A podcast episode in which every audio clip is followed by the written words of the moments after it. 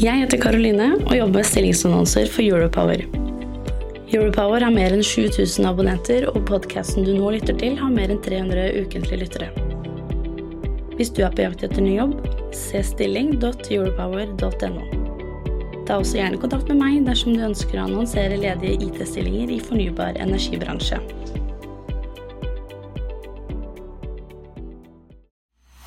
Du lytter til lyden fra en videosending med journalist Magnus Linjære i Europower. Hele sendingen kan du se på europower.no. Hei og velkommen tilbake til Europowers eh, strømmarkedet på noen minutter. Det viktigste som har skjedd nå sist uke, er nok det som vi ser i Europa. EU har blitt enige om å kutte oljeimporten fra Russland. Det påvirker energiprisene både i Europa og globalt. De diskuterer også å slutte å kjøpe gass fra Russland, men det viser seg at det er ikke bare enkelt å erstatte det volumet som Russland leverer inn til eh, Europa. Så det er stigende priser i Europa, men vi skal se også litt hva som skjer i Norge. Begynner da med vannmagasinene. De er altså på god vei oppover. Det har vært en veldig bra fylling nå sist uke.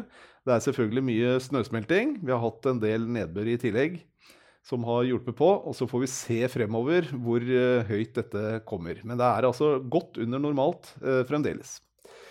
I spotmarkedet så hadde vi en uh, bra nedgang sist uke. Sikkert sam, samtidig med snøsmeltingen, som da har gitt litt vannkraft her og der. Så var det også bra med sol og vind i Europa, som holdt prisene nede. Og det er da spesielt da i helgen som vi så at det var veldig lave priser. Og hvorfor ser man da disse store variasjonene eh, i løpet av døgnet? Her har vi lørdag, hvor altså dagen starter med ekstremt lave priser i Sør-Norge. Og litt ut på ettermiddagen så løfter altså prisene seg.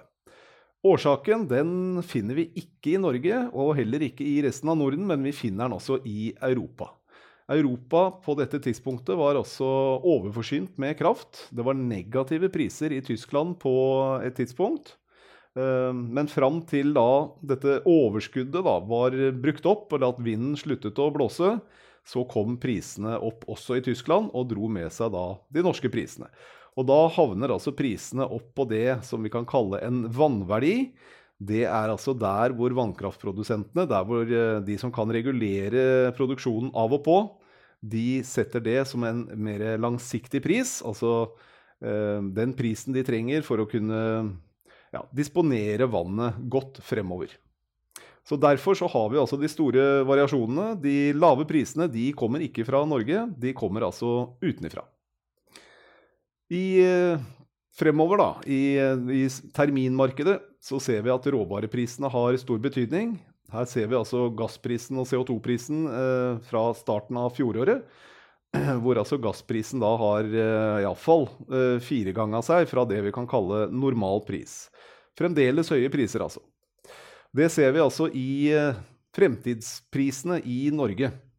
Hvor altså eh, prisen for levering av strøm neste år den fortsetter videre oppover for Sør-Norge. For Midt- og Nord-Norge så er det ganske sidelengs, men eh, Sør-Norge fortsetter å stige. Det er fremdeles bare en eh, ja, eh, det er fremdeles et godt stykke opp igjen til de prisene vi ser i Tyskland for, eksempel, da, for neste år. Men så kanskje markedet prøver å søke dit opp.